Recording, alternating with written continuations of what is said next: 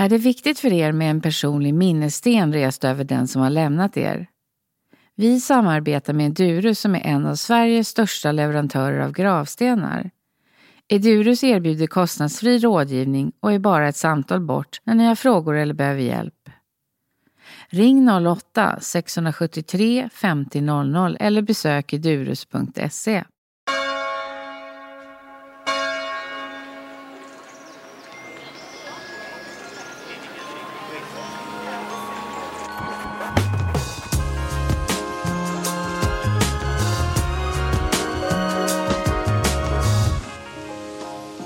Välkommen Anders Ingves till podden Min död, min begravning. Du eh, hjälper ju företagsledningar och enskilda ledare med att förbättra affären. Vad har det att göra med döden då? Kanske inte direkt med döden, men med balansen Ja. och eh, med förmågan att hantera den återkommande sorgen som faktiskt är ständigt närvarande i näringslivet. Och berätta. Jag, jag bara får en känsla att man inte pratar så mycket om sorg eller livet och döden i näringslivet. Jag får för mig att det handlar så mycket om resultat och att det är framåt, framåt. Att det ungefär finns inget slut. Ja, det är ju mycket driv framåt. Och det jag gör eh, så är ju givetvis också att försöka få människor att växa så att de kan eh, skapa ännu bättre affärer.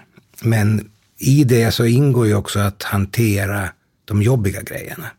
Så sorgen, som jag sa, alltid närvarande, eller ofta närvarande. Rubriken på, på din podd så riktar ju in oss till eh, mänsklig död och begravning. Eh, men orden död, begrava, sörja och så här är ju närvarande i näringslivet. Projektet X dog. Eh, eller affären X bara försvann. Eller, åh vad jag sörjer att det här projektet blev klart. Eh, Så att orden finns eh, i den löpande affärssnacket. Här. Men eh, det är helt rätt som du var inne på att strukturerat så kanske inte alla hanterar det här. Och därför är det en, en del av att orka växa som människa, det är att säga okej, hur, hur ska vi hantera sorgen när projektet är klart? Det blev framgångsrikt, men nu får jag inte jobba flera dagar med det här fantastiska teamet. Och då uppstår det en sorg. Och en längtan tillbaka. Och, och då kommer vi in nästan på samma, igen, eh, vo- vokabulär, alltså ritualen, hur man avslutar projektet så att man faktiskt kan lämna det. Det är ju en gravläggning. Vanligt till och med att man använder gravöl som benämning i näringslivet när någonting är klart. Så jag ser nog att det, det lever där och är tydligt närvarande. Är det många som förstår det här, tror du, att man ska ta hand om en grupp som har jobbat med någonting när man är klar? Det måste ju, jag förstår att det kan bli antiklimax i någonting som man har jobbat mot. Det har jag ju upplevt själv. Eh, man brukar ju prata om post, eh, ja, för folk som jobbar med mässor till exempel, eller en uppsättning, eller ja, vad det nu än är. Men är det någonting som du tror är vanligt att man tar hand om? Nej, jag, tyvärr så tror jag att det är allt för ovanligt. Jag jobbar ju då mycket med prestation eh, och i de flesta fall så är det prestation i grupp. Och där fin, finns det en eh, forskare och eh, inspiratör som heter Susan Whelan eh, som har inspirerat mig mycket också. Och I hennes eh, forskning så är det entydigt att om man inte gör stängningsritualen när projektet är klart så går prestationen ner i nästa projekt man går in i. Eh, Så då måste man ta ritualen, man måste ta gravölen över det kanske framgångsrika då, projekt som är klart. Är det ledarens uppgift tycker du, eller är det den enskilda personens uppgift att förstå det här? Jag, jag tycker att det li, ligger mycket på ledaren. Åtminstone att initiera, öppna upp och också visa på att det är helt okej. Nästan ett krav att göra det här. Och vi kommer in då på sorg, för sorgen uppstår ju när, när det är borta. Om vi inte tillåter personalen att sörja, då försvinner ju lite nyttan med att sätta in en ritual. Och några sörjer ju blixtsnabbt. Mm. Och några förstår inte ens varför de ska sörja när de andra sörjer, utan det kommer mycket senare. Mm. Det måste man baka in i kulturen runt projekt eller runt det sätt man arbetar på. Jag tänkte på det här med förväntan och sorg. Hade du idéer kring? Vi sörjer ju så som jag ser på det. Eh, vi sörjer saker vi inte får uppleva. Mm. Eh, vi sörjer att vi inte får ha mera tid med mormor som har dött. Eller vi sörjer för att vi inte får ha mera tid med den fantastiska grupp som jag har jobbat med. Det är en förväntan på att få uppleva någonting. Så det är på förväntanssidan eh, som man kan framförallt fokusera om man ska hantera sin sorg, eh, tror jag. Har du upplevt det själv, att det alltid handlar om förväntan när du upplevt sorg? Eller så har du sett det, så att säga? Dels har jag sett det, ja. dels har jag upplevt det. Mm. Och dels eh, så som jag fungerar som individ. Jag, jag läser jättemycket forskning och så vidare. Och eh, har riktat in mig framförallt på forskning runt eh, beteenden och eh, human, eh, hur bygger man bättre eller snabbare eller mera vältänkande människor. Mm. Och där, där, är nästan alltid, det spärren finns runt förväntan. Förväntan på vad jag kan. Men ur ett sorgperspektiv så kommer det ju mera i det man vill vara med om, men inte får. Mm. Eller vill träffa någon, men inte får, för den finns inte längre. Mm. Och du frågar om jag har egen erfarenhet av det. Jag har ju fått sparken från vd-post och eh, jag var inte klar. Nej. Eh, ska jag vara klar ska jag ha gått själv. Ja. Det är klart att den sorg som jag upplevde runt att få sparken, det var ju bara för att jag inte fick åstadkomma det jag hade förväntan på mig själv att få göra. Så det är ett exempel ur, ur mitt liv. Då. Ett annat är, eh, jag har en blödarsjuk son. Eh, när han då fick sin diagnos och så, så träffade vi eh, lite psykiater.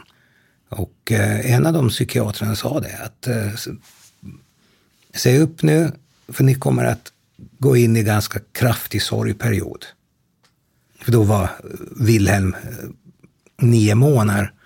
Och så sa vår psykiater att, för ni är som alla andra föräldrar, att ni har sett Wilhelms framtid och säkert med idrott eller så här.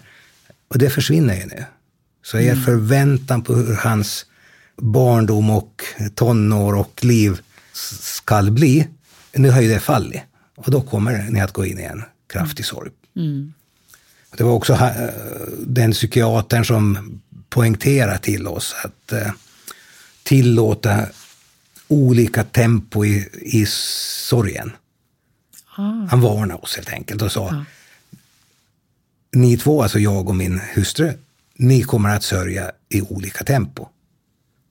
Och var medvetna om det, hjälpte då? Absolut. Ja. För det är ju jobbigt om man själv är väldigt ledsen. Mm. Och makan, i det här fallet då, eller teamet som man jobbar med, är jätteglada. Mm. Det, tar, det tar ju oftast superont, en sån situation. Mm. Så det, det, var jättebra att, eh, att han hjälpte oss att förstå att det finns, en, det finns olika sätt att sörja och alla sätt är rätt. Mm. Det måste ju också ha hjälpt med att han förklarar det här med förväntan. För det är väl kanske inget man i stunden ser. Nej, absolut inte. Det var han som öppnade den dörren ja. för oss och för mig, och som jag sen också har sett in i näringslivet. Mm. Hur, hur viktigt det är att hantera det och också prata om det.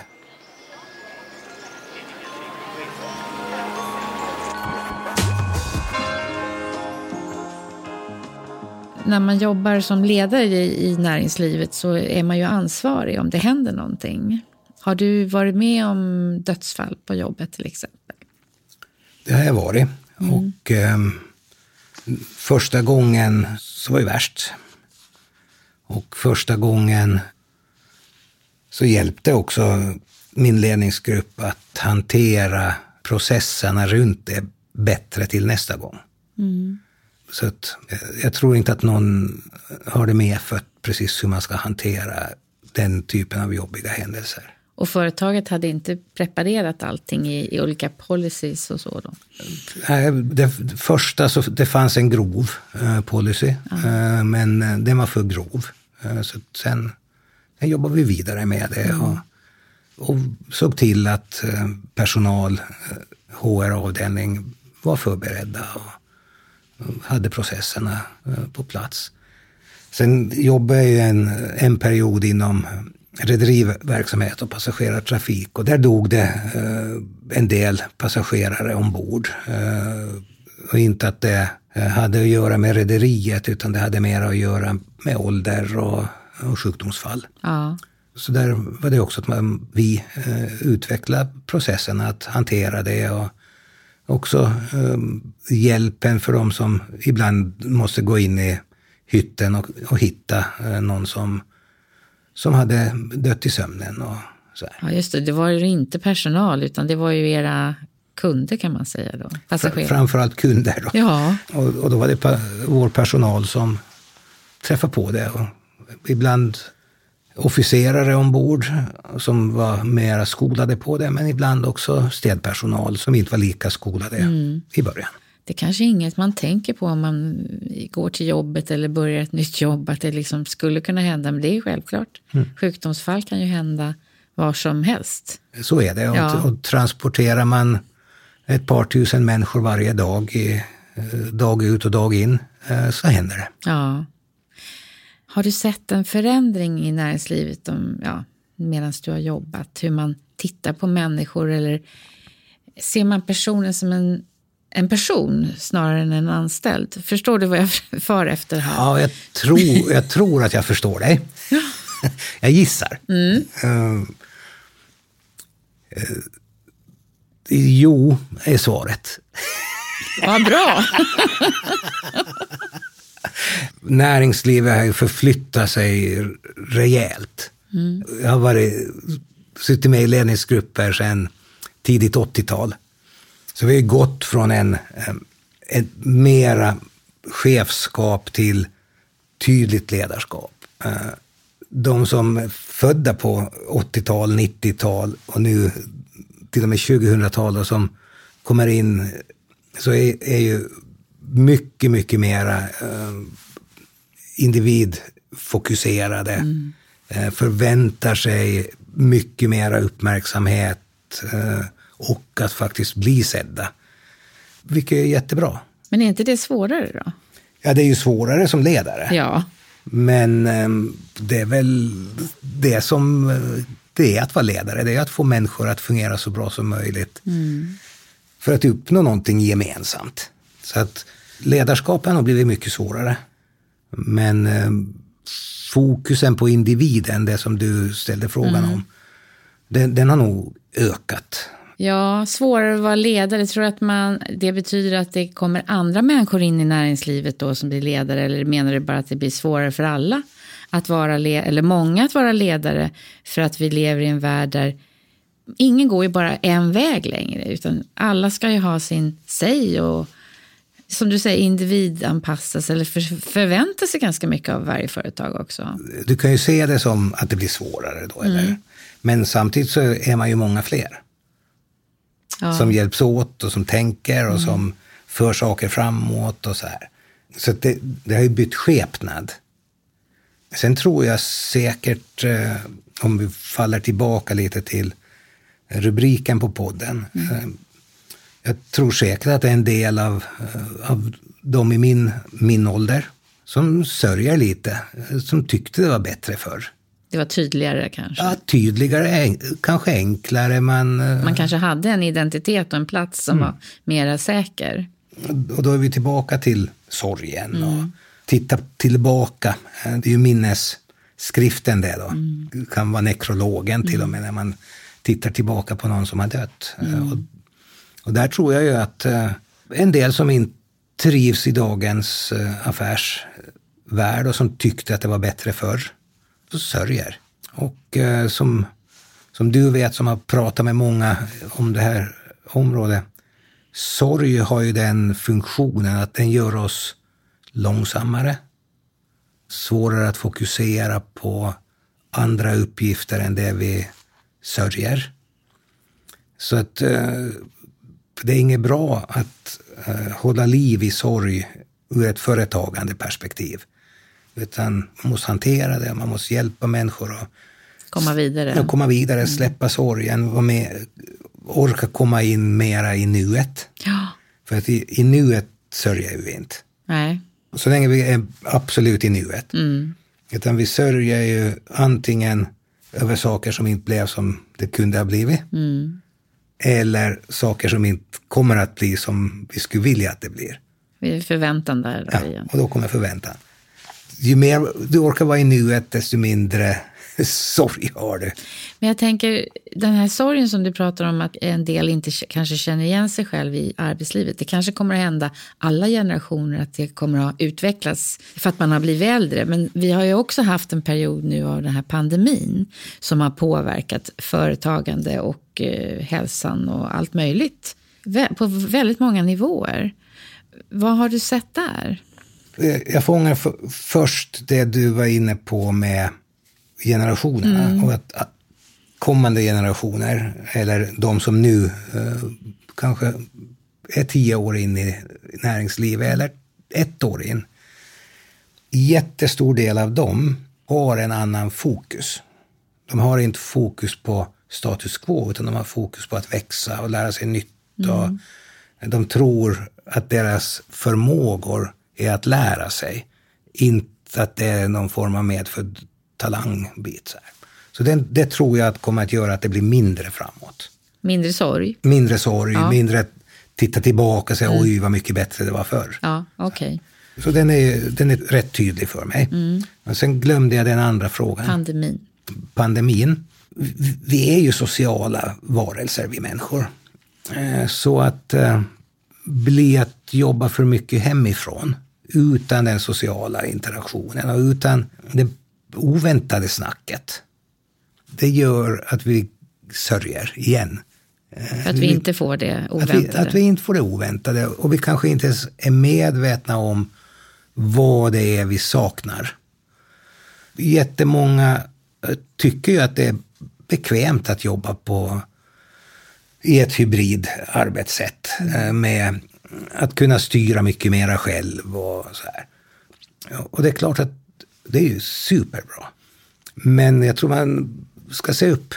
Eh, vi behöver ses och vi behöver ta det oväntade snacket. Och vi behöver få glädjekicken av att träffa en Barbro igen. Eller det blir tomt. Och tydligen, jag tror att det även har blivit så socialt att människor bjuder hem varandra mindre sen efter pandemin. Men det är bara en gissning. Men jag tror att det, alla de sociala mötena är inte lika täta. Jag tror du har helt rätt. Och det, Och då kommer det, tror jag också, leda till att man får en minskad värld. Vi ser det ju i ökande psykisk ohälsa eh, i alla åldrar. Vi ser det i långtidssjukskrivningar i näringslivet och så här. Vi ser det faktiskt också i innovationstakt i bolagen. Eh, De oväntade mötena och den möten över gräns Ja, det. eh, så försvinner ju. Ja, Och det minskar innovationstakt. Det är ingenting vi pratar jättemycket om ännu. Men det kommer vi att göra om några år. Eh, när vi ser resultatet. Precis. Ja. Och när vi i Sverige då sörjer den enorma innovationstakt vi har haft, som har försvunnit därför att vi, vi har bytt arbetssätt. Så att det kan vara att vi betalar ett högt pris som eh, nation för det.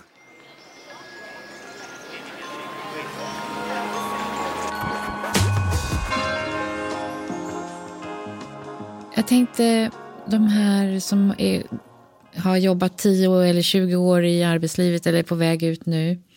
Tror du att de jobbar lika mycket som många har gjort? Eh, Jag kan tänka under din karriär att man som vd eller ledare jobbar dygnet runt och är alltid anträffbar. Och ser du att det finns en motreaktion mot det med 80 eller 90-talisterna kanske? Jag tror att det finns en paradox. Mm. Sitter man och pratar med dem eh, Eh, så tror jag att de är lite mittemellan. Där de tycker att balansen är viktig, men de tror att de gamla myterna gäller ännu. Du måste jobba mycket och så här. Men jag, jag hoppas eh, att de faktiskt eh, fokuserar på att sätta balans istället. Och inte jobbar allt för mycket. Jag har ju hört talas om en kvinna som, en sjuksköterska tror jag det var i Australien, som intervjuade män på dödsbädden. Då frågade vad de ångrade.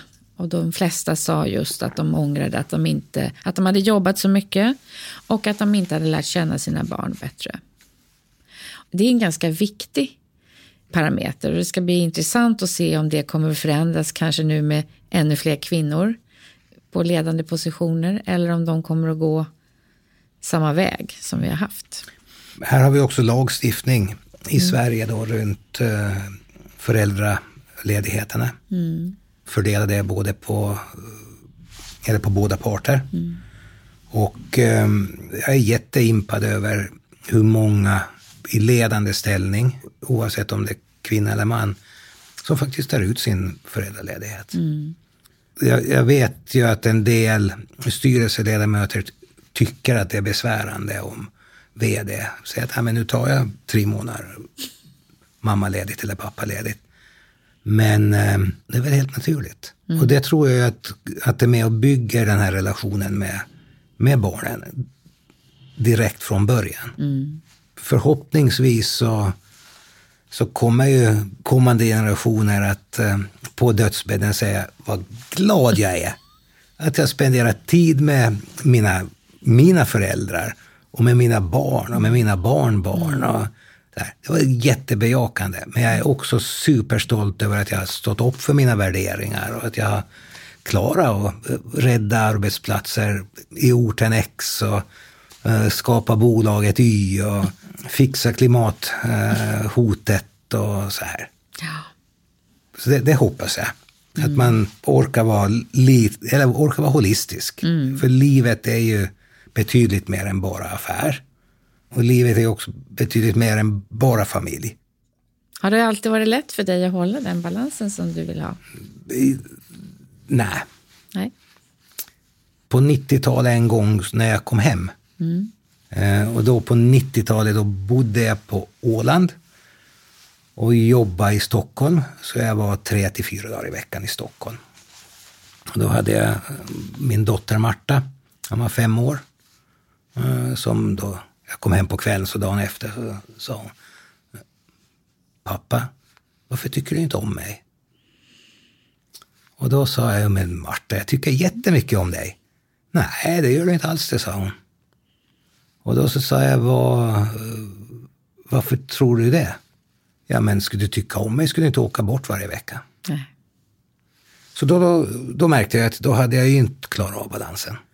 Då slutade jag med den verksamhet jag hade i Stockholm och så började jag jobba på ön istället och uh, kunde vara hemma mycket mera. Mm. Så att jag har försökt att ta konsekvenserna. Mm. Men att, ja, jag, jag, tycker jag är rimligt uh, balans. Mm. Apropå titeln på eh, podden, Min död, min begravning. Har du haft några egna tankar kring din egen begravning? Två egentligen. Mm. Den ena, att de får gärna bränna upp mig och kasta mig i sjön. Mm. Så behöver inte efterkommande fundera så mycket med att vårda gravar och sånt där. Mm. Eh, plus att det har jag eh, som ger mig kraften. Och då vill man träffa mig så kan man gå ner till någon strand någonstans och ta snacket. Då. Mm. det är den ena saken jag har tänkt på. Den andra så är, jag, jag tror att det här kan ha varit sent 1980-tal. Eh, där jag läste en bok av en managementguru, eh, Tom Peters, som uppmanar oss läsare att faktiskt skriva vår nekrolog själv. Och inte bara en gång, utan spara den, gå tillbaka och titta, skriva om den Och så här, för att eh, bejaka att vara autentisk mot sina egna värderingar och eh, att eh, driva på åt det håll man vill. Mm. så att han inspirerar mig till det. Och det betyder ju att det är svårt att skriva en nekrolog utan att tänka på sin egen död. Så du har gjort det flera gånger? Det har jag gjort. Så det är ett levande dokument kan man säga? Det är ett levande dokument och eh, en del är jag glad att fortsätter och en del eh, så blir jag förvånad över att jag tappar bort. Och då får man ju fixa till och sätta tillbaka om det är viktigt.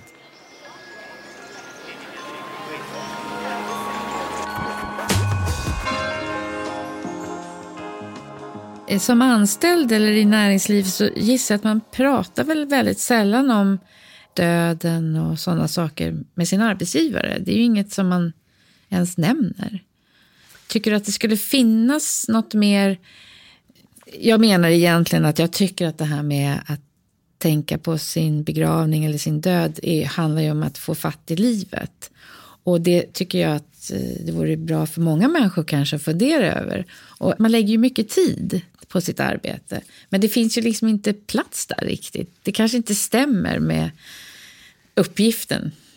Huvuduppgiften som ledare eller mm. anställd i näringslivet, det är ju att, eh, att leverera aktiviteter som för bolaget i den riktning som det ska. Mm. Men för att kunna vara sitt bästa eh, så måste man vara hel. Alltså en hel person. Mm. Jag tror att det är jättebra att man pratar om död. Eh, så som jag sa tidigare runt Susan Whelan, om man om man jobbar i en projektintensiv miljö eh, så tror jag det är jätteviktigt att man pratar om projektens levnadsperiod och dödspunkt. Och att man hanterar projektets dödspunkt som vilken annan död som helst. Mm. Jag, jag, tror att det är viktigt att prata om det. På de flesta arbetsplatser så blir man ju tvingad att möta döden någon gång. För det dör en medarbetare eller en kund. Och då är det alltid bättre att man har, har pratat om det före. Mm. Men givetvis, eh, om det händer eh, så måste det finnas en beredskap på arbetsplatsen att få prata om det och hantera händelsen, hantera de lärdomar man får ut av det så man kan föra in det i processer eller i sitt sätt att vara. Och också få höra att det är okej okay att sörja. Mm på ditt sätt. Mm. Och för mig antagligen på mitt sätt. Då. Mm. Det tror jag är viktigt. Angående ledarskap, när är man som bäst ledare, tror du? Tänkte du nu åldersmässigt? Ja, erfarenhetsmässigt. Eller, ja, eller kan man säga att man är bäst på någonting? Jag tror, utgående från mitt sätt att tänka, mm. som ni nu också har hört lite om, i och med att jag tror att vi alla har en potential att utvecklas länge i livet så är ju kunskapsmässigt runt ledarskapet, om man har varit öppen för utveckling, så blir man ju bättre och bättre med åren. Med mer erfarenhet? Ja, med, kunskap. Med, precis. Mm. Men sen tror jag att en ledningsgrupp behöver ha en mix. Det behöver finnas någon jätteung som tror att de har svar på allt redan, eh, som ifrågasätter och trycker på och utmanar. och det måste finnas någon som flaggar och säger stopp och belägg, nu har vi tappat balansen helt här. Projektet som gick om intet igår, nu måste vi sätta igång sorgeritualen. Mm. Och så här. så att, eh, svår fråga, men eh, att hantera människor så blir man bättre över tid. För jag tänker att många chefer kanske blir chefer för de är väldigt duktiga på sin expertis. Alltså i företaget, inte som ledarexpertis. Så det kanske tar ett tag. Kanske inte ämnat för alla heller, att vara ledare. Det, igen, det, det är ett kunskapsområde. Så ja. Det underlättar om man är intresserad av att få människor att växa. Ja. Och det underlättar om man inser att man lär sig någonting varje dag. Mm. Ännu bättre om man bestämmer att man fångar en lärdom minst om dagen mm. för att förkovra sig själv. Så att, eh, att se det som en pågående resa där man faktiskt kan bli bättre och mera i balans och ha roligare. Men också motvikten till rolig så är ju, det är ju inte superroligt hela tiden. Ibland slår man sig mm. och ibland så är det jätteledsamt. Och det är också okej. Okay. Som du säger att det har ändrat sig i näringslivet. Tycker du att ledarskapet blir förändrat? Eller är det i grund och botten detsamma fast miljön nu har utvecklats? Det finns superduktiga ledare i näringslivet idag. Mm. Eh, som leder på helt andra sätt mm. än de som var superduktiga för 30 år sedan. Ja. Och det är svårt att jämföra därför det är ju helt olika kontexter idag jämfört med för 30 mm. år sedan. Eh, så jag är imponerad över hur jättemånga duktiga ledare det finns. Och hur många av dem jätteduktiga som vill bli ännu bättre. Mm. Som inte tänker så mycket bakåt, eh, utan tänker framåt. Drivs mera av framåtriktad förväntan, förundran över allt fantastiskt som kan hända än över det som inte har hänt bakåt. Ja, det är ju väldigt viktigt, speciellt i den tiden som vi lever nu när vi, tycker jag, blir ganska bombarderade med ganska mycket negativa saker. Jag tänker då läget i världen och krig och sådana saker. Så det gäller ju att hålla emot. Jag läste igår en, det här amerikansk eh, statistik, eh, 30 års utveckling på antalet nära vänner man har. Skrämmande läsning. Ungefär 20 procent av eh, amerikanerna då, så har ingen nära vän. Va? Vem ska man då ta upp sin sorg med? Och varför hade de inga vänner då? Den, och, Samhällsutveckling? Ja, det är samhällsutvecklingen. Pandemin har gjort sitt till. Mm. Um, I toppändan då, mer än nio nära vänner som för 30 år sedan var nästan 40 procent av populationen, uh, så är nere på 20 nu. Mm. Så vi har mycket färre vänner, nära vänner, eller vi har ingen. Och uh, det är ju inget bra.